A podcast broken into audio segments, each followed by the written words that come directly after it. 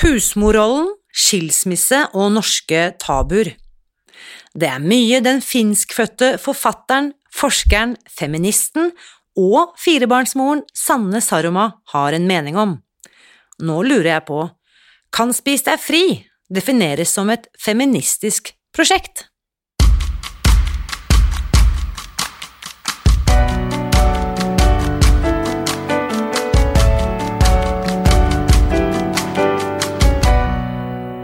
Mitt navn er Irina Li.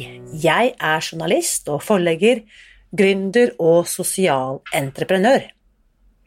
I 2015 spiste jeg meg fri fra overvekt og fedme etter å ha slitt med vekt, kropp og følelser i nesten 30 år. Etter at jeg fant oppskriften på å spise meg fri, ga jeg meg selv et nytt oppdrag å dele denne kunnskapen med alle som trenger det. I første sesong av denne podkasten deler jeg hele lydboken eh, Spis deg fri. Den finner du ved å bla deg tilbake til høsten 2019. Og hver uke inviterer jeg nå gjester som gir deg påfyll til hodet, hjertet og magen. For min visjon er å endre Helse-Norge, og det får jeg ikke til alene. Du kan bidra ved å abonnere på podkasten, skrive en omtale i iTunes og dele denne episoden med noen du bryr deg om. Da setter vi i gang med ukens episode. I dag skal du altså få møte Sanne Saroma, som jeg snakket med tidligere denne uken. Dagen etter vår samtale ble altså Sanna mor for fjerde gang, så jeg vil bare benytte anledningen til å si gratulerer med fødselsdagen og velkommen til verden til fjerdemann i søskenflokken. Sanna er også med i den åpne Facebook-gruppen vår Spis deg fri, så hvis du har lyst til å delta i samtalen etter å ha hørt dagens eh, episode, så søk gjerne opp Spis deg fri på Facebook og bli med i gruppen. Da er vi klare for ukens episode. God morgen, Sanna, og tusen takk for at du vil være med på podkasten. God morgen. Jeg tror dette kan bli hyggelig. Eller kanskje ikke. Hva vet jeg? Jeg håper det blir hyggelig. jeg håper det blir hyggelig òg, fordi eh, vi sitter jo nå Vi har ikke møtt hverandre før, men vi møtes nå på Zoom for første gang. Og jeg kan jo da også avsløre at la oss si for en uke siden så skal jeg innrømme at jeg ikke visste hvem du var. Jeg hadde hørt navnet ditt, men jeg hadde ikke noe forhold til deg. Men du dukket opp i Instagram-feeden min. Rett og slett fordi at du hadde bakt disse såkalte Irina-rundstykkene, hvor jeg var blitt tagget på et eller annet vis, og så dukket du opp. Eh, baker du ofte Irina-rundstykker, eh, Sanna? Ja, det er min nye, nye livrett, vet du. Nei, jeg, har, eh, altså, jeg, har, jeg, er jo ikke med på dette her, eller jeg er ikke spis, spis deg fri, altså jeg driver ikke på med diett. Men jeg har to venninner, eh, og kanskje til og med flere her på Lillehammer, som er helt spis deg fri-frelst. Eh, og, og, jeg lærte den, eller jeg fikk denne oppskriften av eh, en av dem, og så, så har jeg blitt proteinrundstykke frelst. Så jeg bakte Jeg har startet dagen med dem i dag også. Så, så, det er liksom, og jeg er gjerne sånn at hvis jeg kommer på én god rett, eller én god ting å lage, så gjør jeg det gjerne liksom et halvt år på rad. Så det er nå dette det går i denne vinteren. Altså proteinrundstykke. dette er veldig morsomt, fordi til de som ikke kjenner deg, du har jo en eh, utrolig solid eh, akademisk og litterær karriere, kan vi si det sånn? Kort oppsummert. Ja, det høres i hvert fall veldig voldsomt eh, ut når du sier solid akademisk og litterær karriere. Du får det til å høres så bra har, ut. Takk. Ja, men dette, jeg, jeg, jeg, synes ofte at vi skryter altfor lite, ja, både av oss selv og hverandre. Jeg vet ikke, Hva, hva tenker du om det, Sanna? Jo, altså det er jo sikkert litt um, altså Dette er jo litt Norden. altså Dette kjenner jeg igjen både fra Norge og Finland. At, uh, at man skal ta det ned. altså at uh, Man skal ikke gjøre noe nummer av noen ting. altså Det er kanskje noe amerikansk over det. at man altså Vi tenker at det er kanskje noe amerikansk og falskt over å skryte av noe. Uh, så så jeg, altså jeg, det er kanskje litt sånn janteloven der også. At, og så husker jeg altså fortsatt da jeg ble født og oppvokst altså på 80-tallet i Finland, så, så var det liksom noe altså at Du skulle ikke skryte av barna fordi de kunne bli for eh, ja, tro at de er noe. altså Litt det der jantelovske, at uh, du skal ikke tro at du er noen ting. Heldigvis har det kanskje endret seg litt. altså At, uh, at det er blitt lettere å si gode og gode, hyggelige ting og, og skryte ting uh, til hverandre. Og, og, skryte av folk som, som, gjør det bra. Så jeg tror du er, du er inne på noe. altså At, vi gjør det for lite. og når det, når det, når det når det altså, sånn som nå, når, nå, som du sa noe veldig hyggelig og pent om meg og, det, og mitt virke, så skulle jeg egentlig bare sagt takk, i stedet for å liksom at jøss, dette blir noe litt mye. Men det er litt den typiske nord nordiske reaksjonen. vet du, at Nei, men jeg er jo bare, jeg har jo ikke gjort så mye, jeg, da. Ikke sant? Og det som jeg syns kanskje er bedre ord, altså for jeg vet at du i likhet med meg, er veldig opptatt av ord, og det skal vi snakke mye om. Mm. Så kanskje skryting allerede, har, bare, allerede der er noen negative konnotasjoner, men kanskje hvis vi bruker kronprinsens eh, fantastiske begrep, da, fremsnakking, mm. at det er bedre, eller det som jeg også ofte snakker om, at vi heier på hverandre. at Det kanskje, det, det vil vi jo gjerne som nordboere og nordmenn og finner og svensker. Det kan vi stå inne for, at vi heier på hverandre. Det, det er positivt. Yeah. Men det å skryte er kanskje negativt. Så jeg vil gjerne få lov til å heie frem noen av dine meritter, eh, Sanna, hvis, eh, if you allow me. Eh, du har altså en dok doktorgrad i historie, hvis jeg ikke tar feil? Ja. Hva skrev du doktorgradoppgave om? Vet du, jeg uh, um, jeg så egentlig på det norske husmorsamfunnet og den endringen i det norske samfunnet fra 1950-tallet til 1970-tallet. Altså, og det gjorde jeg gjennom et, uh, et ungkvinneblad som fortsatt eksisterer, som heter Det Nye, fordi Det Nye begynte å komme ut i 1957. Så jeg leste jo gamle Det Nye bladet i arkivet fra 1957 til 1977. Og så, eh, og så forsket på hvordan, dette, hvordan Norge gikk gjennom en veldig stor endring, en voldsom endring fra et samfunn hvor kvinnene var hjemme og bakte ikke bare proteinrundstykker, men, men andre ting også, eh, til et mer likestilt samfunn hvor kvinnene var ute, ute på jobb og og har begynt å ha andre gjøremål også enn bare å bake og gjøre, gjøre husarbeid. Så det var, mm. så det var liksom essensen, essensen i doktorgraden. Og kanskje litt som, som en forlengelse av det, eh, som en slags hypotese jeg kastet der på slutten. At, eh, for jeg mener jo at Norge fortsatt er et husmorsamfunn, men på deltidsbasis. altså at det er veldig, veldig mange norske kvinner, er det snaut 40% som jobber deltid. Altså at det er, det er nesten at det er normen at når man har barn, så skal kvinner jobbe deltid og ikke fulltid. Interessant. Dette synes jeg er jeg Det bare popper opp 100 spørsmål. 1957, um, la oss si 60-tallet, 70-tallet. Eh, jeg tenker på min egen mor, som også var hjemmeværende da vi var små.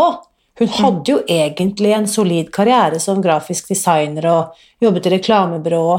Så hvordan realiserte disse kvinnene seg på ved kjøkkenbenken? Hvordan fikk de utløp for alle eh, holdt jeg på å si, aspektene sine når de sto hva skal vi si, bastet fast i hjemmet? Mm.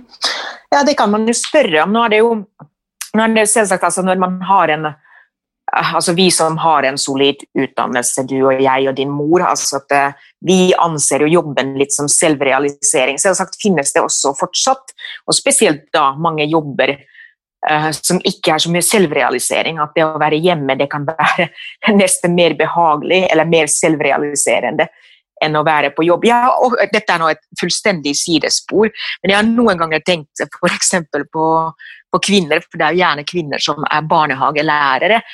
Altså at uh, Når de drar ut uh, altså etter endt mammapermisjon, at de drar og jobber på en barnehage istedenfor å bli hjemme og passe på egne barn. At tenker de at det er selvrealisering å dra på jobb og passe på andres barn, mm. kontra å passe på egne barn. Altså dette, er ikke, jeg, det var liksom bare, det, dette er fullstendig retorisk spørsmål, eller sånn som jeg bare lurte på. at hva tenker de, altså Det er ikke alle jobber som er selvrealisering, men, uh, men absolutt altså at jeg altså at vi som har vi som har en solid utdannelse og innbiller, eller, eller, liker å tenke at, at, vi gjør en viktig jobb og elsker jobben vår, eh, vi har jo lyst til å komme oss ut. Men likevel, jeg tror det er, altså det er likevel en sånn eh, en norm der. altså at Det er jo mange, også mange høyt utdannede kvinner eh, som velger deltidsarbeid eh, når barna er små, og dette til tross for at vi har full barnehagedekning, vi har likestilte fedre. Men det, det, er fortsatt noe som henger veldig igjen. Altså at, dette at, um, altså at jeg, um, jeg pleier jo å sammenligne dette med mitt hjemland Finland, hvor man aldri har hatt altså Finland har aldri hatt et husmorssamfunn, og det skyldes krigen. altså at Finland hadde ikke råd til at kvinnene skulle gå hjemme. altså Kvinnene måtte ut i arbeid. Og det er jo altså Finland uh, altså, Jeg pleier å si at Norge under krigen er bare en vits, fordi i Norge døde det 3000 mennesker. I Finland døde det 100 000. 100 000 menn døde på fronten mot Sovjet. Og da måtte jo kvinner være ute i arbeid. Og etter krigen, eh, i og med at Finland tapte, tapte krigen, så måtte man eh, betale store krigsskadeerstatninger til Sovjetunionen. Og det var jo gjerne industriprodukter. Og, og da hadde man jo mistet en så stor andel av mennene. eh, og, og, landet var fattig, så, uh, så, kvinnene måtte være i arbeid for å kunne betale disse industrivarene til Sovjetunionen. Så Finland hadde aldri råd til å føre den husmorspolitikken som alle norske partier førte. Altså at Man hadde en sånn husmorspolitikk at en familie skulle greie seg med én inntekt i Norge.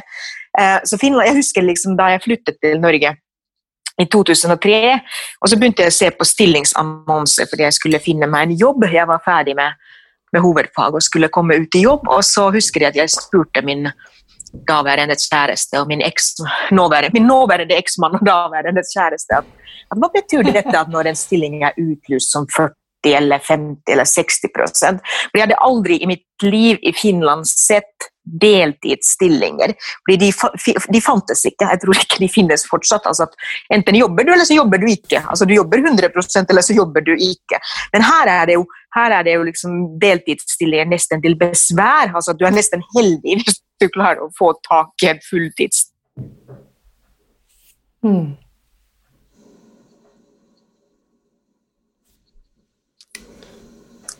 Sanna, nå forsvant lyden din. Er du der? Ja, jeg er her. Jeg bare forsvant eh, Eller jeg sluttet eh, resonnementet mitt.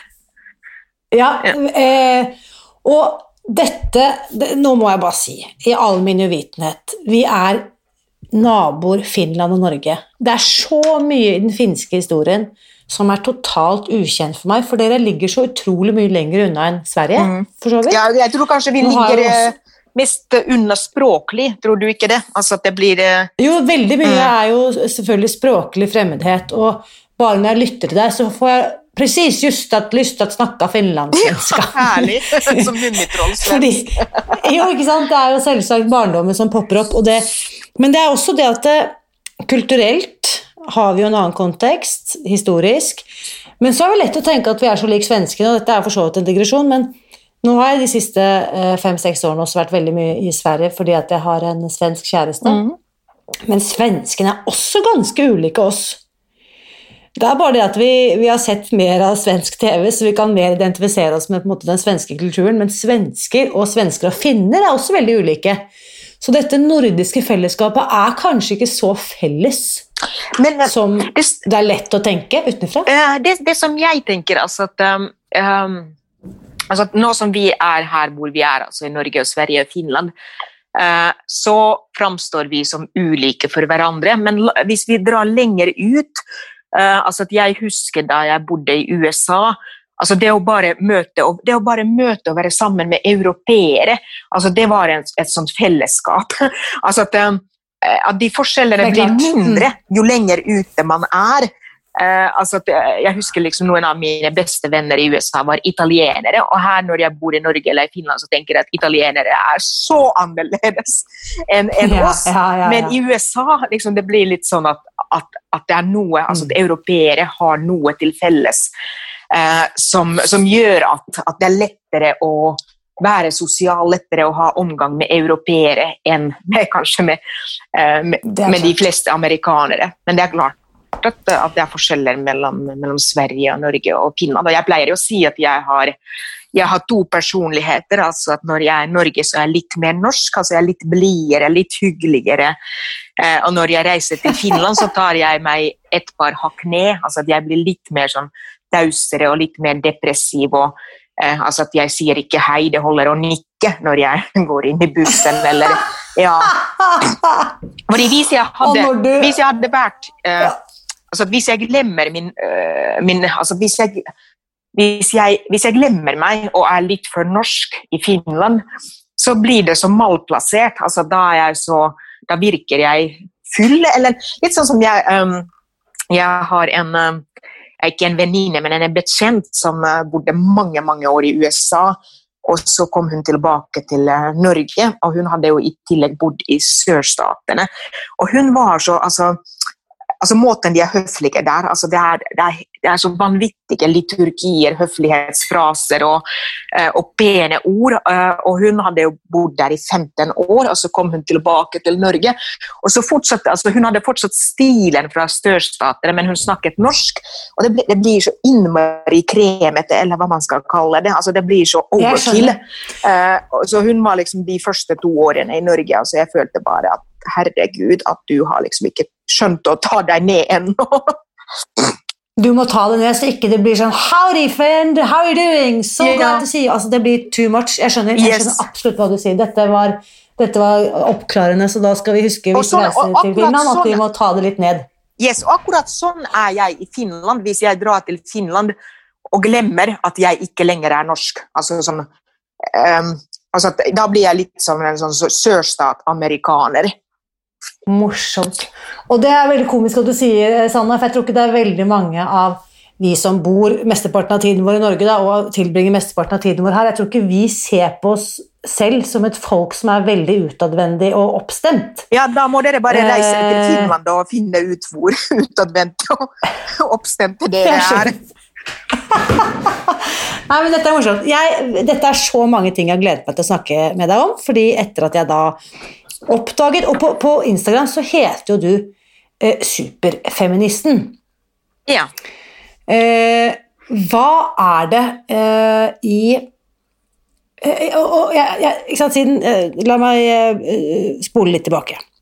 Siden 97 av, av alle de som følger Spis deg fri, er kvinner, mm. så kommer vi ofte inn på samtaler som er veldig hva skal vi si, kvinnerelatert. Veldig mange har spurt meg hvorfor snakker du bare til kvinner. Irina? Det er, det er flere menn enn kvinner med overvekt i Norge. Mm. Og så sier jeg Spis deg fri er absolutt helt Og i begynnelsen så gjorde jeg ikke det. Jeg hadde ikke noen forestilling om at dette var et kvinneissue, men måten jeg refererer til min egen historie, tiltrekker åpenbart flere kvinner. Eller tiltaler. Mm. Dette er på en måte flere kvinner som kan identifisere seg med problemstillingen. Mm. Jeg syns det er vanskelig å gå i badedrakt på, uh, på, stranden om sommeren for at jeg skammer meg over kroppen min. Mens menn har kanskje ikke den assosiasjonen til overvekt. De strutter jo rundt på stranden i disse små uh, ikke sant? Uansett mm. hvor, hvor, hvor, vakkert eller ikke det måtte være, spiller ingen rolle. Så jeg tror på en måte kvinner og menn For det første har vi to helt forskjellige språk rundt kropp og mat og følelser. Og for det andre så har vi helt to forskjellige verdisett, tenker jeg, i forhold til helse og, og eh, egenomsorg. Eh, og ikke at det ene er annerledes eller bedre enn det andre, men det er ulikt bare, da. Mm. Og så lurer jeg på, i, når du eh, beskriver deg som feminist, og til og med superfeminist, hva ligger det i det, Sanna? Hva ligger det i det for deg? Altså at jeg altså, Superfeminist er jo egentlig bare en en språklig morsomhet, altså at, uh, en sånn forsterkning av, av, feminismen min. Altså at jeg, at jeg, som superfeminist er litt mer feminist enn en vanlig feminist. Ikke at Det er liksom noen, det finnes ikke noen vitenskapelig definisjon av superfeminist, men litt sånn, litt sånn som superhelter. Uh, så kan man være liksom superfeministhelt, sånn som jeg liker å se meg selv. Altså at Jeg ser jo patriarkatet, jeg ser jo undertrykking mange steder hvor um, hvor de fleste ikke, ikke ser undertrykking. Altså at jeg, jeg har litt sånn feministbrillene på hele tiden. Um, og det er litt akkurat sånn som du sier, altså dette er så typisk at, uh, at, for menn er det bare en kropp, mens vi kvinner vi er født og oppvokst i en sånn kulturell kontekst at vi hele tiden tenker på kroppen vår og ser kroppen vår med litt sånn med et um, altså Feministisk teori har jo lenge teoretisert dette med male gaze, altså hvordan vi kvinner er ofre for et mannlig blikk, også når det ikke er menn til stede. Altså nå som jeg er her hjemme alene i slowbroken, og, uh, og, likevel så tenker jeg hvordan jeg sitter og hvordan jeg ser ut. Og det er jo ikke for min egen skyld, men fordi det er dette usynlige mannlige blikket som følger oss og betrakter uh, vår kropp. Um, og det gjør, jo, altså det gjør jo noe med tankegangen. Og spesielt når du, når du nevner dette med nå, nå, nå, snakker jeg bare litt sånn, litt sånn fritt og assosierer litt fritt ut ifra det du sier. Altså jeg er også Årsaken til at jeg er litt sånn allergisk, altså at jeg kunne aldri ha fulgt en diett som spis deg fri 100% er jo at jeg er en gammel um, jeg er en gammel bulimiker og anorektiker. altså at Jeg har vært uh, spiseforstyrret i tenårene. Uh, og så Det tok det jo så mange år å bli frisk og få et uh, normalt forhold til mat. Og så vil jeg på en måte ikke tukle med det. altså at, at Nå som jeg spiser normalt og har et normalt forhold til mat, så vil jeg ikke begynne på noen dietter eller, eller noe, som krever, noe, som krever, innsats av meg, utover, mm. å, utover å blande de tre ingrediensene som man har i de rundstykkene. Det er liksom den innsatsen jeg klarer å legge i eh, matlaging og, og diett. Eh, så, men, men, hva var det Ja, jeg hadde noe på tunga, men kanskje du skal tune meg inn igjen? Jo, men, men, jo, jo, men det, det, jeg liker at du kommer inn på nettopp dette med at eh, hvis jeg er opptatt av min egen kropp, så forutsetter det også dette mannlige blikket, eller male gaze, ja. som du refererer til. Ja, og så det jeg skulle si som er veldig interessant, som jeg har tenkt Jeg tenkte liksom uh, Nå er jeg litt sånn taburytter, at jeg snakker om ting som, uh, som, folk Eller at jeg sier ting som folk ikke sier, fordi det, uh, det, er, u, det er kanskje upassende, og jeg vet ikke alltid om dette er upassende. Men nå som jeg er kjempegravid her, altså at jeg skal føde i morgen, uh, og så er jeg drittlei altså For så vidt, jeg er jo en ganske uh, altså at Alle sier at jeg ser så bra ut, og du har bare mage. Uh, altså Jeg var på aerobic i går, og, og, så var det flere som sa du har jo bare mage.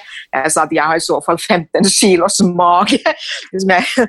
men, uh, men uansett, altså, jeg har tenkt nå spesielt her i, i, den siste delen av svangerskapet.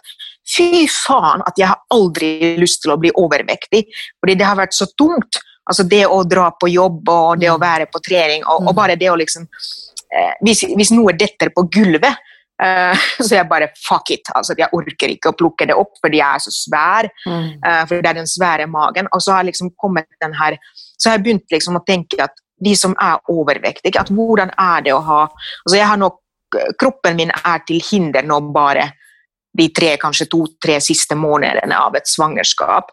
Og jeg hater det. altså Jeg elsker jo, jeg elsker jo kroppen min, men jeg hater når jeg ikke får gjort alt jeg skulle gjort, når jeg ikke får brukt kroppen mm. min sånn som jeg liker å bruke kroppen min. Og da har jeg liksom begynt å tenke at de som er overvektige, at, at sliter de, eller kanskje noen av dem gjør det, eh, med sånn, med sånn hat hver eneste dag. At, eh, eller, eller er det at de kanskje ikke husker noe annet, de vet ikke om noe annet. At jeg har jo jeg har jo vært normalvektig i mange år. altså Jeg var overvektig, veldig overvektig som barn, men jeg har vært normalvektig i mange år. Og kroppen har stort sett gjort det jeg har ønsket at kroppen skal gjøre. Og nå som det ikke har gjort det, så har det vært, det har vært liksom sånn ja, at det har vært eh, et skikkelig hinder, og, sånn, og det har liksom forårsaket selv om, selv om årsaken er helt legitim og årsaken er god, altså det er baby inni meg, dette er helt naturlig, dette er helt normalt, likevel altså, det er så mange ting som jeg ikke får gjort i huset og ikke orker fordi jeg er altså, Jeg er jo ikke overvektig, men jeg er nå veldig stor. Um, mm. uh, så, jeg er så glad for at du setter ord på akkurat dette, Sanna, fordi dette tror jeg er noe av den kløften, den kommunikasjonskløften mellom jeg, jeg, snakker fortsatt om vi som er overvektige, selv om jeg nå har vært normalvektig i snart fem år. Mm. Jeg identifiserer meg fortsatt på mange måter med liksom det andre laget. hvis du skjønner ja, jeg mener. Ja. Det du setter ord på her, er nettopp den fysiske erfaringen, den opplevelsen av å sitte fast i den kroppen. Ja. Som handler om så utrolig mye mer enn utseende. For jeg opplever av og til at utenfra så kan Spis deg fri eller alle andre kostholdsregimer eller dietter reduseres til noe sånn du vil se bra ut på stranden-prosjekt, eller sommerkroppen. Liksom, det er så uviktig, Rine. Hvorfor skal du snakke om sommerkroppen? Så tenker jeg, Det handler jo ikke om sommerkroppen, det handler om akkurat de tingene du snakker om der. Få lov til å være sjef i egen kropp Yes. og gjøre de tingene som er føles behagelig for meg. Og det er ikke deilig å være 15-20 eller 50 kilo overvektig. Mm. Nei, men Da svarer du egentlig på akkurat på det jeg lurer på. Og så Hvis jeg kan eh, drotle videre fra det du sier til eh, fordi Det er, veldig, det er en, en veldig spennende synes jeg, en spennende og spenstig parallell her. eh, fordi Du sier at du identifiserer deg med det andre laget. At dere som er overvektige, altså den erfaringen sitter så dypt i din, i din kropp og sjel. Og det er litt det samme. vet du, Mm. Jeg er her gravid med mitt fjerde barn. Uh, og Ja. jeg har fortsatt vet du, jeg har fortsatt identiteten til en barnløs, infertil kvinne. Fordi jeg har jo laget alle barn med barnløshetsbehandlinger. Og så eh, Nå skal jeg ha planlagt keisersnitt i morgen. Og så spurte hun legen som jeg hadde fødselssamtale med Altså at jeg får planlagt keisersnitt fordi jeg har hatt akutte keisersnitt før, og da får man automatisk tildelt dato at uh, da skal du føde. Og så spurte hun legen at, at vi pleier å spørre, eller at, uh, at uh, nå som du altså jeg, jeg er 40, 41 år gammel, og jeg, ja, i morgen har jeg forhåpentligvis fire barn. At skal vi sterilisere eh, deg i samme slengen, at når vi roter der inne, at vil du bli sterilisert? Og jeg var bare sånn Ikke faen, ikke faen skal jeg steriliseres. altså at jeg Skal jeg liksom begynne å forhindre barn når, når liksom hele mitt voksne liv har handlet om å prøve å lage Mm. barn? Så på en måte jeg eh, Det er så pussig at jeg snart forhåpentligvis har fire barn, men likevel jeg betrakter meg selv som en infer infertil, barnløs kvinne. Ja, interessant. Interessant. Så det er noen sånne Det den parallellen Ja, Ja. mm, ja, fordi det, noe, det gjør Mm. noe med identiteten vår. Altså, du, du har identiteten som overvektig fordi det har i så mange år preget ditt liv. eh, og infertilitet har preget hele mitt voksne liv. Eh, og da har jeg liksom, da, da sitter det så fast at ikke engang fire barn kan, kan rokke ved den, den kjernen Jo, i og da tenker jeg da, nå, Dette er jo bare min fantasi, da, Sanna, men da tenker jeg hvis noen ville ha rokket ved grunnleggende rettigheter, f.eks. ved eh, behandling av infertilitet, så ville jo det på en måte ha eh, trigget noe i deg, siden du på en måte vet hvor mye det ville ha betydd for kvinner som sliter med infertilitet. Og på samme måte Ja. når det kommer mannlige spesielt, eksperter, og forteller kvinner at det er bare å ta seg sammen, eller du må bare spise mindre og bevege deg mer, eller kommer med de rådene som vi vet ikke fungerer, så kjenner jeg at mitt overvektige jeg og mitt jeg er jo ikke storesøster, men mitt storesøstergen for alle de kvinnene som fortsatt sliter. Jeg blir så forbanna og jeg blir så trigget på at liksom, det er ikke greit. Selv om ikke det problemet er på en måte påtagelig for meg lenger Mm. Så kjenner jeg på vegne av alle mine medsøstre at dette må vi liksom si ifra om. Dette er ikke greit. Eh, skjerp dere, folkens. Dere må oppdatere dere faglig og skjønne at det er forskjellige løsninger Ja. på samme problem. Ja, veldig interessant og veldig godt at du er den stemmen. Eh, fordi du også setter det altså at, eh, Nå som du sier det, at det kommer mannlige eksperter som, tenker, som sier at ta dere sammen. Altså at jeg merker kanskje litt eh, altså Dette er veldig, veldig flaut å innrømme, og kanskje spesielt eh, på en podkast som dette, men, men jeg tror den tanken er vanlig hos oss normalvektige, at vi kan også tenke at kan ikke overbevektige bare som begrenser seg litt, Yes. kan de ikke bare ta seg litt sammen, Yes. bevege seg litt mer. Altså det er en, eh, dessverre en veldig vanlig, vanlig tanke. Og, det er, eh, og så er det også en interessant kobling her. Altså at jeg, eh, jeg har ofte tenkt på dette at eh, når, du, når du får barnløshetsbehandling i offentlig regi, så har man jo en egenandel, er det på 18 000 kroner på prøverør. Og det er, jo, er det kanskje den eneste behandlingen hvor du har så høy, uh, høy egenandel. Uh, altså at, at du faktisk må betale for uh, helsebehandling på offentlig sektor. Og det er liksom, jeg tenker at, at dette Altså dette er mulig bare fordi det finnes også denne forestillingen som er litt beslektet med den der 'ta deg sammen'. At, at det som infertile barnløse får høre, at kan dere ikke bare slappe av litt, så går det bra. selv om det skulle være en mm. medisinsk årsak. Men det mest interessante kommer her, og det kommer fra min egen gynekolog her på Lillehammer. Fordi hun sa, og her er vi nå i krysspunktet av både både barnløshet, altså infertilitet, og overvekt. Og hun sa jo at, eh, hun sa til meg at det som hun syns er helt hårreisende, er jo at husker ikke om hun sa Rikshospitalet eller, eller St. Olavs, men at de kunne sende hjem overvektige kvinner. Altså at overvektige kvinner var ikke berettiget til barnløshetsbehandling eh, i offentlig regi, eller de måtte slanke seg så og så mye. Og så sa min eh, fantastiske svenske kvinnelige gynekolog så fint at de har også betalt sin skatt. Eh, så, så på en måte her, eh, Det er et sånn krysspunkt, altså er nesten litt med, med to slags altså sånn, eh, en sånn interseksjonalitet. altså at, eh, at du er du er mindre kvinne fordi du er infertil, og du er enda mindre kvinne fordi du er overvektig, og da kan du ikke engang få behandling. Og vet du hva, Sanna, dette er så interessant. Dette er en, dette er en av de første tingene jeg snakket med min gynekolog om da, da jeg begynte med dette opplegget her i, i 2015, og jeg har fått tett oppfølging grunnet diverse greier. Men uansett så sier jo hun nettopp det. Det som er tragisk, som hun ser, som også følger av kvinner som får IVF-behandling, er jo at de som er overvektige, de er jo helt sjanseløse. Fordi det offentlige har ikke noe effektiv behandling å gi dem i forhold til overvekt og fedme. Mm. Og de får heller ikke ø, ø, fertilitetsbehandling. Så der er det på en måte double strike out. Yeah. Sorry, du taper dobbelt. Yeah. Så som hun sier at hadde man kunnet gi disse kvinnene en effektiv behandling mot sin overvekt eller fedme, så ville kanskje mange av dem heller ikke trengt fertilitetsbehandling. Det er jo for det første et poeng at jeg har jo fått massevis av meldinger fra kvinner som har spist seg fri fra overvekt og blitt naturlig gravide. Fordi høy vekt, det vet vi jo, er sammenfallende med eh, lavere fertilitet. Eh, Men samtidig det eh, som du er inne på her, den dobbeltbestraffingen fra, fra helsevesenet, det er jo og, og hvem er det som skal tørre å sette ansiktet på den debatten, ikke sant? Ja, ja, jeg skulle nesten... For Apropos, du har jo skrevet, Ja. ja. du har skrevet en bok som heter 'Norske tabuer'. Og det å være tjukk og det å være barnløs, det må jo være blant de to fremste? Mm.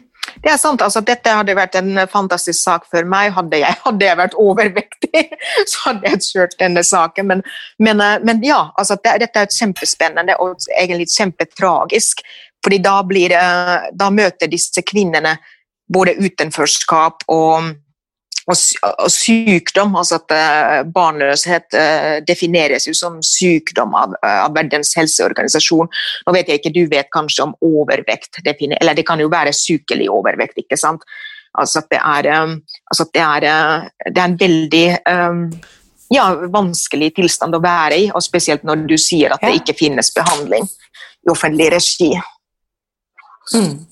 Ja, Den behandlingen som tilbys, funker jo ikke. Det er jo det som er problemet. Eh, Så gullstandarden i, i norsk overvekt- og fedmebehandling kan jo ikke vise til noe resultater. Eh, Så det er jo kjempetragisk og helt sant. Ja. Og vi er jo kommet dit i dag at eh, det er også eksperimentell behandling med barn, der vi slankeopererer barn ned i 13 år. Jøss, Yes, i Norge. eh, I Norge. Eh, og det er jo Problemet er jo at dette er, mener ikke folk noe om, fordi at de vet ikke om det. Nei, nei, jeg har heller ikke hørt om det er det. vanskelig å vite om Nei, ikke sant? Det er vanskelig å, å ha en mening om hvordan skattepengene våre brukes, eller hvordan pasienter behandles på individuelt nivå, hvis ikke det da er noen, sånn som du eller jeg eller andre, som står frem og setter ord på hva som faktisk skjer bak den derre eh, Inne på det luktekontoret når legen din spør deg om skal vi sterilisere deg samme slengen. Sant? Det er jo vanskelig å ha en mening om den typen behandling hvis ikke vi faktisk vet at det foregår. Mm, absolutt. Så den offentlige samtalen, den tror jeg på, og det å sette ord på ting og, og bare si det som det er. Jeg syns jo det er helt fantastisk. Du har skrevet eh, eh, du har, du har skrevet veldig mye forskningsartikler og kronikker. Mange har sikkert sett navnet ditt i, i dagspresset, hvor du har deltatt i mange debatter. Men dette med norske tabuer, det var en bok du skrev i 2016. Ja, det stemmer. hva definerer du som uh, norske tabuer? Hva er de største vi har å slite med? Ja, altså jeg tenker at det er veldig mange ting som nordmenn tror at de er. altså Bestillingen av den boken var, eller, eller min hensikt med den boken var, var jo nettopp å vise at um, at nordmenn har veldig høye tanker om seg selv, og så, og, og, og litt, så litt, tar dem litt ned på den måten at, altså nordmenn tenker, liker jo å tenke at de er veldig flinke, veldig dyktige, veldig likestilte, veldig snille og veldig gode. Eh, og så gå litt bak disse her forestillingene eh, og den, litt bak denne selvgodheten. Og vise med, med, litt med forskning og litt med egen erfaring og litt med eh, dataanekdoter at det er kanskje ikke, eh, kanskje ikke, helt slik. At det er kanskje heller slik at, uh, at det er oljepengene som har gitt uh, et noe opp oppblåst ego uh, til, til, nordmenn. Så det var liksom min, min hensikt med den boken. Uh, så, så, jeg går løs på de, uh, det som jeg kaller for norske, norske tabuer, og, og, litt sånn altså, ting som man ikke snakker om. Så hvis jeg nå bare drar et eksempel som jeg, som jeg nå tenker um, tenker aller først altså at vi har veldig noe som dette, dette, er veldig på tunga mi nå som jeg er så veldig gravid, og man snakker veldig mye, eller har historisk sett snakket mye de siste 10-20 årene om sorteringssamfunnet. Uh, og, um, og, jeg er jo en gammel altså Jeg er geriatrisk mor, så jeg fikk jo tilbud Jeg kunne gå på en sånn um, duotest på Rikshospitalet.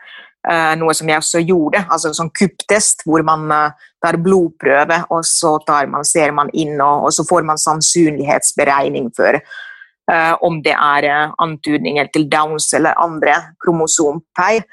Uh, og veldig mange mm. norske kvinner Det ble jo tillatt nå i juli, altså med den nye bioteknologiloven. altså den der ja, jeg husker aldri, er det NITP eller NIPT-test, altså, som gir et helt sikkert svar allerede i svangerskapsuke 10 eller 11 eller 12 om barnet har Downs syndrom eller andre kromosomfeil. Mm. Eh, og Det er jo den testen norske kvinner tradisjonelt har tatt i Sverige, fordi det ikke har vært eh, tillatt eh, i Norge. Uh, og så har man jo hatt den der store politiske diskusjonen uh, knyttet til sorteringssamfunn. At får vi et sorteringssamfunn? Og det er jo et sånt norsk tabu at vi, skal, vi er for mangfold, og vi skal ikke ha et sorteringssamfunn. Men, uh, ja. men jeg, jeg, skriver i den boken at vi har jo sorteringssamfunn allerede. At når kvinner får vite at de bærer et barn med Downs syndrom, så tar åtte av ti abort. Og det er altså uh, og det er, uh, altså det er et resultat av, av, uh, av, eget ønske, og, jeg mener at, at, sånn skal det absolutt være. altså at, mm. Det er jo kvinnens kropp, og det er jo, det er jo ingen som føder barn altså vi, det er som vi, altså Jeg er så allergisk mot, mot sånn festtaler om mangfold.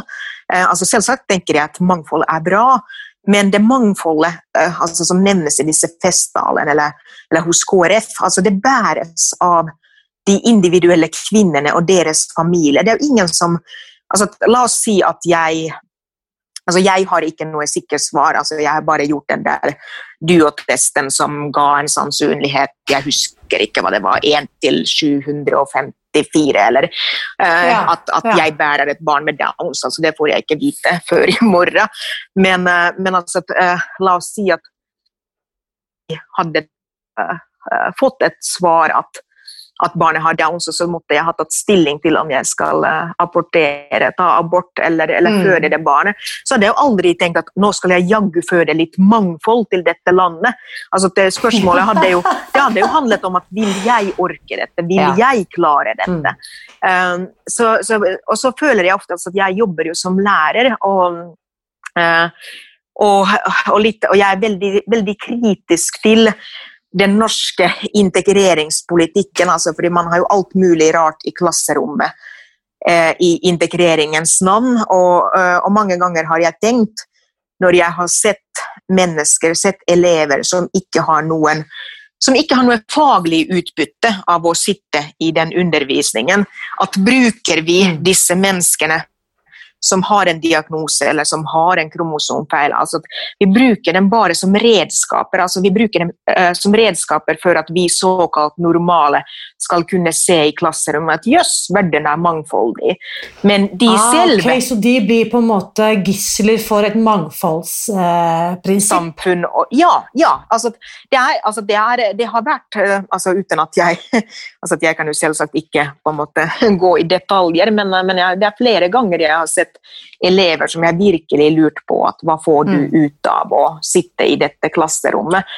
Uh, og er det egentlig ikke bare at vi misbruker deg, og vi misbruker ditt mangfold? Uh, altså at, at, det mm. blir litt sånn at, at noen blir litt som mas klassens maskotter. Men, men, deres altså, Jeg hadde vært mye mer uh, opptatt av, av, at også disse elevene har krav på læringsutbytte. Uh, også disse mm. elevene har krav på å få Ja, få hva skal man si, krav, faglige krav på sitt eget nivå. Uh, og veldig ofte um, så Eller at min erfaring fra klasserommet og fra skoler er i hvert fall at, eh, at det er veldig vanskelig å få til innenfor, innenfor enhetsskolen. Og da tenker jeg at vi, vi bruker den feil. Jeg liker at du, du trekker frem dette, for jeg, jeg, når, mens du forteller, så får jeg også mye assosiasjoner til helsevesenet. Nemlig at det er en eller annen sånn gullstandard og så ser man ikke individet i det der eh, greiene der, hvor man tenker at hvor man tenker at eh, kanskje ligger nøkkelen i å kunne tilrettelegge noe som passer for deg, og ikke alle andre eh, mødre som skal føde når de er 41, men kanskje finne ut hva er det som passer for deg, og tilrettelegge behandlingen eller hjelpen du får ut ifra din situasjon. Det tror jeg på en måte ville vært en løsning på mye, uansett om det er snakk om utdanning eller helse. Mm.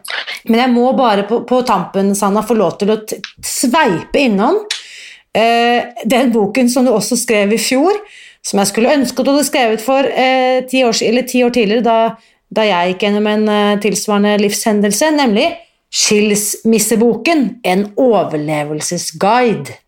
Den kom ut i 2019. Og her skjønner vi jo, for du har referert til eksmannen din, dette er basert på levd liv og ekte hendelser. Og sannsynligvis eh, forskning, hvis jeg har nå skjønt det rett. Ja. Fortell litt om skilsmisseboken. Hva, hva, hva, var konseptet der? Ja, altså Det er egentlig et sammensurium av alt. altså Levd liv, mitt eget liv, og så, er det, så har jeg intervjuet 40 skilte og parterapeuter, familievernkontor, medarbeidere, psykologer. Uh, altså alle som har en relevans Eh, med tanke altså barnefordelingsadvokater. Eh, så det er sånn, en bok som kobler eh, eksperter og oss skilsmisseoverlevende. og så er selvsagt min historie sentral, i og med, eller ikke, ikke, ikke dominerende, ikke, ikke, ikke, sentral på den måten at den er dominerende, men at, men at alt jeg skriver, blir jo litt blir levd liv likevel, i og med at jeg skrev denne boken da jeg, ble, uh, da jeg selv ble gått fra. Uh, og, og, dette er nå Ja, blir det, uh, blir det allerede. Ja, det blir kanskje det blir fire år, for fire år siden, i januar. Og, og, dette skjedde veldig, veldig overraskende og veldig brutalt. og, og jeg, ble, jeg, ble, ikke spurt, eller jeg, liksom min mening ble ikke spurt. altså at Han dundret ut, og han dundret ut rett til en annen som for så vidt jeg hadde vært sjalu på over lengre tid, fordi vi hadde, vi hadde alle jobbet på samme sted. Uh, til og med på samme gang. Uh, liksom sånn kontor ved kontor ved kontor. Så, så, på sett og vis dette foregikk jo under øynene mine. Men man har jo mm. så lyst til å tro på den man elsker, og man har så lyst til å tro på det man har hjemme. Men uansett, så, så jeg var jo uh, Han dundret voldsomt ut, og så var det et vanvittig sjokk for meg. Eh, og, jeg, eh, og han gikk jo ut på den måten at jeg fikk da dagen etter tilsendt en rettsbegjæring fra hans advokat med forslag til barnefordeling. Og det var ikke engang en forslag til barnefordeling, fordi han ville bare ha alle barna 100% hele tiden. Eh, og, da, det var jo et så, og så begynner jeg febrilsk å google. altså jeg hadde ikke engang Før det, før han gikk, og før jeg fikk denne, her dette dokumentet fra hans advokat, så hadde jeg aldri engang googlet på skilsmisse eller barnefordeling. Eh, og da begynner jeg mm. febrilsk å liksom google og finne ut av dette. altså hva, hva, betyr dette, hva må jeg gjøre nå? Så jeg hadde ingen kunnskaper. og men det var jo egentlig bare begynnelsen. Det var egentlig bare begynnelsessjokket. Uh, altså det kommer jo det, det, det, skjer så mye samtidig. Det er så mange tap samtidig. altså at Du mister, du mister kjæresten din, du mister tid med egne barn. altså at det er, eh, Du må fordele mm. eiendommene, pengene. Og så finnes det ingen bok. altså Jeg har jo veldig gjerne, altså jeg liker jo å lese meg opp på ting. Jeg uh, liker å ha kanskje en litt teoretisk tilnærming, eller litt, litt sånn akademisk tilnærming i hvert fall. At, at jeg liker å, liksom, mm. å, ha det grunnleggende på plass gjennom å ha lest en bok. Og så fantes det ingen bok. Uh, og så, så, jeg tenkte at dette da, altså det, denne tanken slo meg da jeg selv hadde kommet på en Kanskje ikke på en plusside, for det å komme på plussiden, der er jeg kanskje først nå når det gjelder skilsmissen, at jeg har kommet meg på plussiden. Men da jeg hadde liksom, det tok kanskje ett år før jeg fikk orden på det meste. Uh, uh, og det er kanskje mm. det som tok lengst tid, var jo nok det emosjonelle. Så, så, tenkte jeg at dette må jeg jo skrive. At, at dette er en bok vi mangler i Norge. At jeg må skrive denne boken. Jeg er veldig veldig glad for at Nå skal jeg innrømme at jeg har ikke lest den, jeg har lest mye om den, og jeg liker begrepene du bruker om at du er en overlevende. Uh, og det som jeg husker jeg selv, det sitatet som flagret forbi da jeg selv sto i, dette, i denne livskrisen, det var Skilsmisse er, en, er, dødsfallet som ingen kommer i begravelsen til. Mm. Eller det er dødsfallet som ingen sender kondolanser eller blomster til. Mm. Og når jeg kan si ja, du skjønner, jeg mistet min mor da jeg var åtte år gammel, så opplever jeg empati, varme, omsorgsfulle blikk, eh, kanskje spesielt fra voksne kvinner som ser på meg og bare jeg skjønner det må ha vært eh, eh, et stort tap, eller, eller, jeg skjønner at det fortsatt preger deg. Men nesten kunne man da sagt at jeg overlevde en skilsmisse i 2008. Så kunne man egentlig ha utløst den samme empatien. Det skjer jo ikke. Nei. Da tenker man ja, men nå har jo det, jo det, er jo lenge siden, det må du på en måte være ferdig med. Eller, mm. altså, og jeg tenker at på mange måter så jeg syns det bildet om et dødsfall, om en relasjon som dør, er et veldig godt bilde. At det vil prege meg for resten av livet. Mm.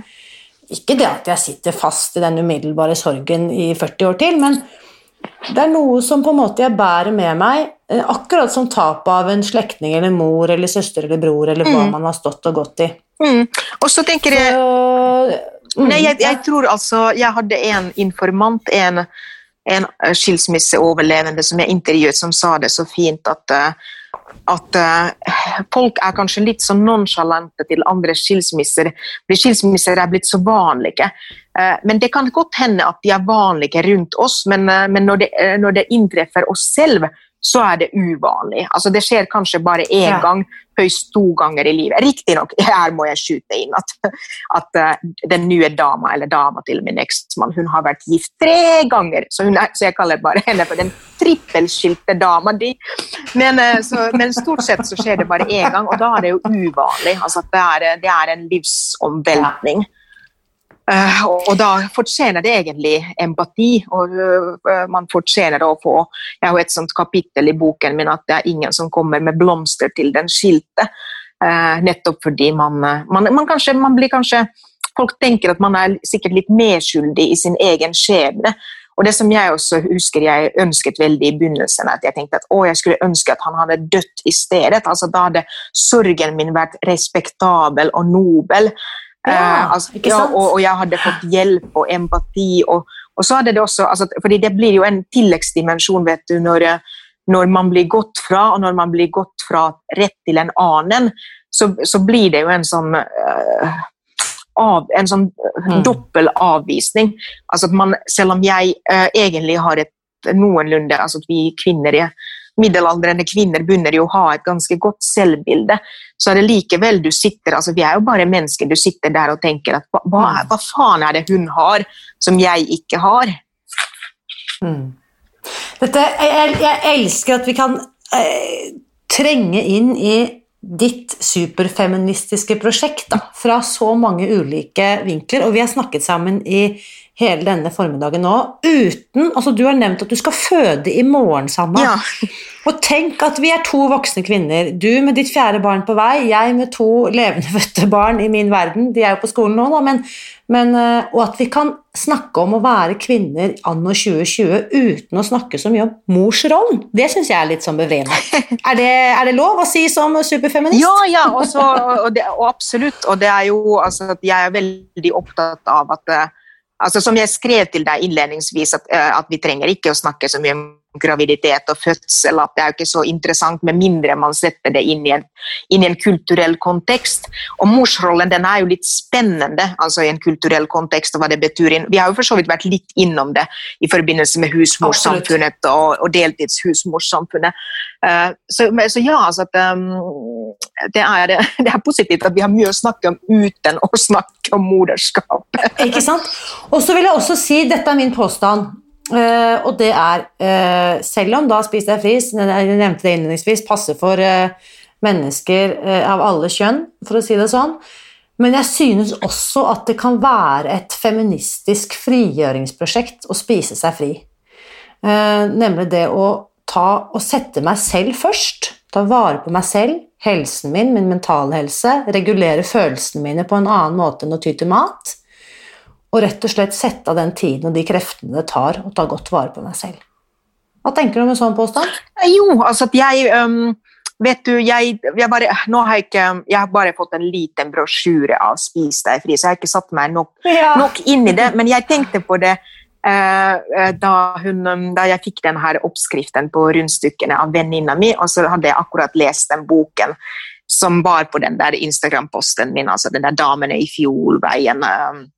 Altså, som handler om et sånn husmorslag i Oslo. Uh, og, og, så tenkte jeg at, at, at, selvsagt må jeg tagge, altså nå som jeg baker og har lest denne boken, altså, at jeg må, uh, jeg, må, jeg, må, uh, jeg må tagge 'Spis deg fri', og så sendte min venninne en melding hva, hva 'spis deg fri' er på engelsk, og så svarte jeg at nei, at jeg liker 'spis deg fri' mye bedre. At det er noe feministisk og emancipatorisk over det uttrykket 'spis deg fri'. At det er jo det feminismen handler om, om å bli, om å bli frigjort. Eh, så, så uten, at, uten, at, jeg har satt meg inn i Men du er jo eksperten på Spis deg fri, eh, så jeg, jeg tenker jo at, eh, at, det er et aspekt ved prosjektet eller ved livsstilen mm. som, som, du gjerne må, gjerne må framheve. Fordi det er jo også altså det er som, og Nå går dette tilbake til det vi snakket om overvekt. At uh, det er mye feminisme i at uh, kroppen klarer det meste. Mm. Det, kroppen klarer det meste, Sanna, og nå vet jeg at du skal få lov til å kose deg med resten av formiddagen din i slåbroken. Og i morgen er det fødselsdag. Ja. Så eh, jeg må bare si eh, gratulerer med fødselsdag. Det er jo en stor begivenhet. Og som vi ofte sier i podkasten, vi heier på deg. Alle vi som hører på, vi sender deg gode eh, Hva heter det? Bursdagsønsker gode, gode ønsker, gode vibber. Gode vibber, det er det vi sender eh, i din vei, i din retning, Takk. Sanna. Så får du hoppe inn i vår lille eh, Facebook-gruppe for podkasten og dele noen babynyheter. Når denne episoden sendes på søndag, så er fjerdemann eh, trygt ankommet. Ja, ja, det kan jeg gjøre hvis, hvis alt går bra. Så fingeren krysset for at alt går bra, men der merker du vet du, den der infertile identiteten min. at jeg, jeg ikke, Fortsatt klarer jeg ikke helt å stole på at dette går bra, enda, det, enda babyen romsterer massevis i magen min. Men, eh, ja. men med, med, stor sannsynlighet går det bra. Mm. Gode Vibbesanna, tusen takk for fantastisk samtale. og Da håper jeg alle har notert følgende bøker på ønskelisten til jul. Da var det altså Norske tabuer og den andre som eh, heter 'Skilsmisseboken en overlevelsesguide'. Og jeg vil påstå at den vil være relevant både for skilte og uskilte. De som planlegger å skilles, og de som ikke har noen planer om å skilles. Eh, ja, De som ikke har noen planer om å skilles, de, de, altså jeg, jeg, tenker også at skilsmisseboken har en stor sånn F, altså sånn forebyggende effekt. Altså kan, å lese det kan være et forebyggende tiltak. Jo, forebyggende tiltak. Jeg sier ofte at uh, folk sier ja, men jeg er ikke overvektig eller jeg sliter ikke med mat. Nei, men les boken, fordi syv av ti av menneskene rundt deg sliter med overvekt Eller la oss si seks av ti av venninnene dine kommer til å skille seg, så les boken, så har du på en måte noe kunnskap og kanskje litt større empati Ja. eller forståelse for mennesker som er i en annen situasjon enn deg selv. Absolutt. Ja. Sanna, eh, heier på deg, eh, og jeg sender deg gode vibber, og så ikke skru ned eh, mer av det der. Ikke la det finske slippe til mer nå, for dette her, vi må ha deg sånn, eh, budene på. Det liker vi. Mm. Flott. Tusen takk, dette var veldig hyggelig. Takk i like måte. Takk skal du ha. Nå lurer jeg selvsagt på, hvordan definerer du det å spise deg fri? Hva betyr det for deg? Tenker du på dette som noe du gjør helt privat, eller er det et eh, feministisk prosjekt, eller kanskje en eh, helsemessig frigjøringskamp?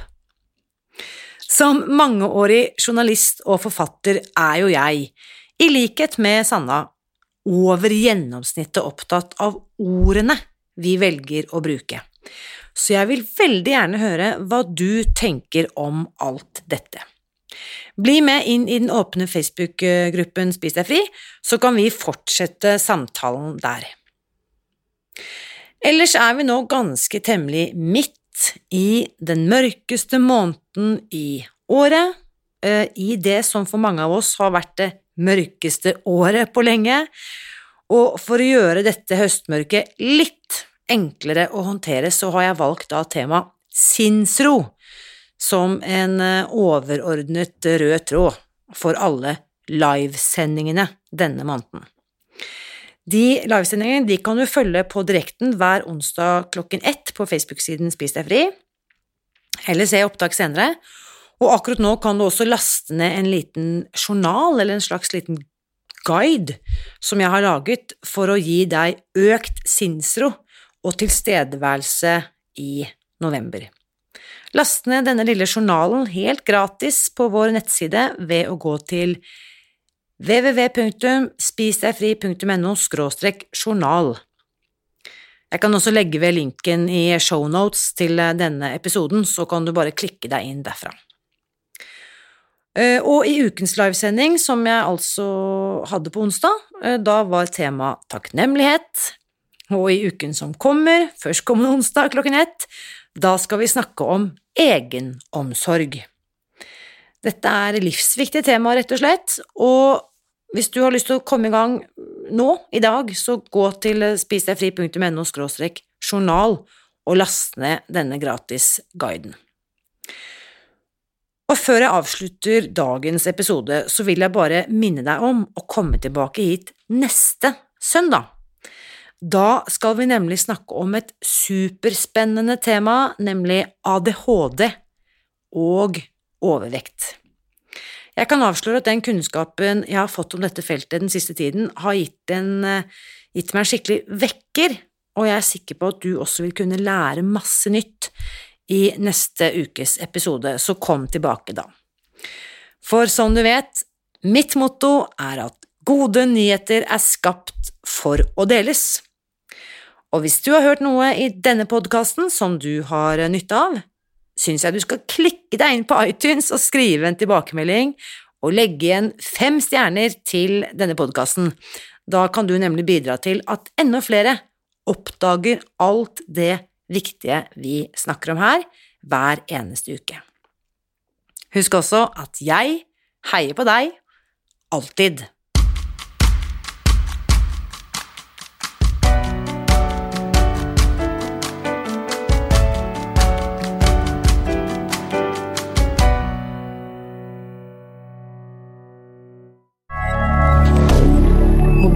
Canada.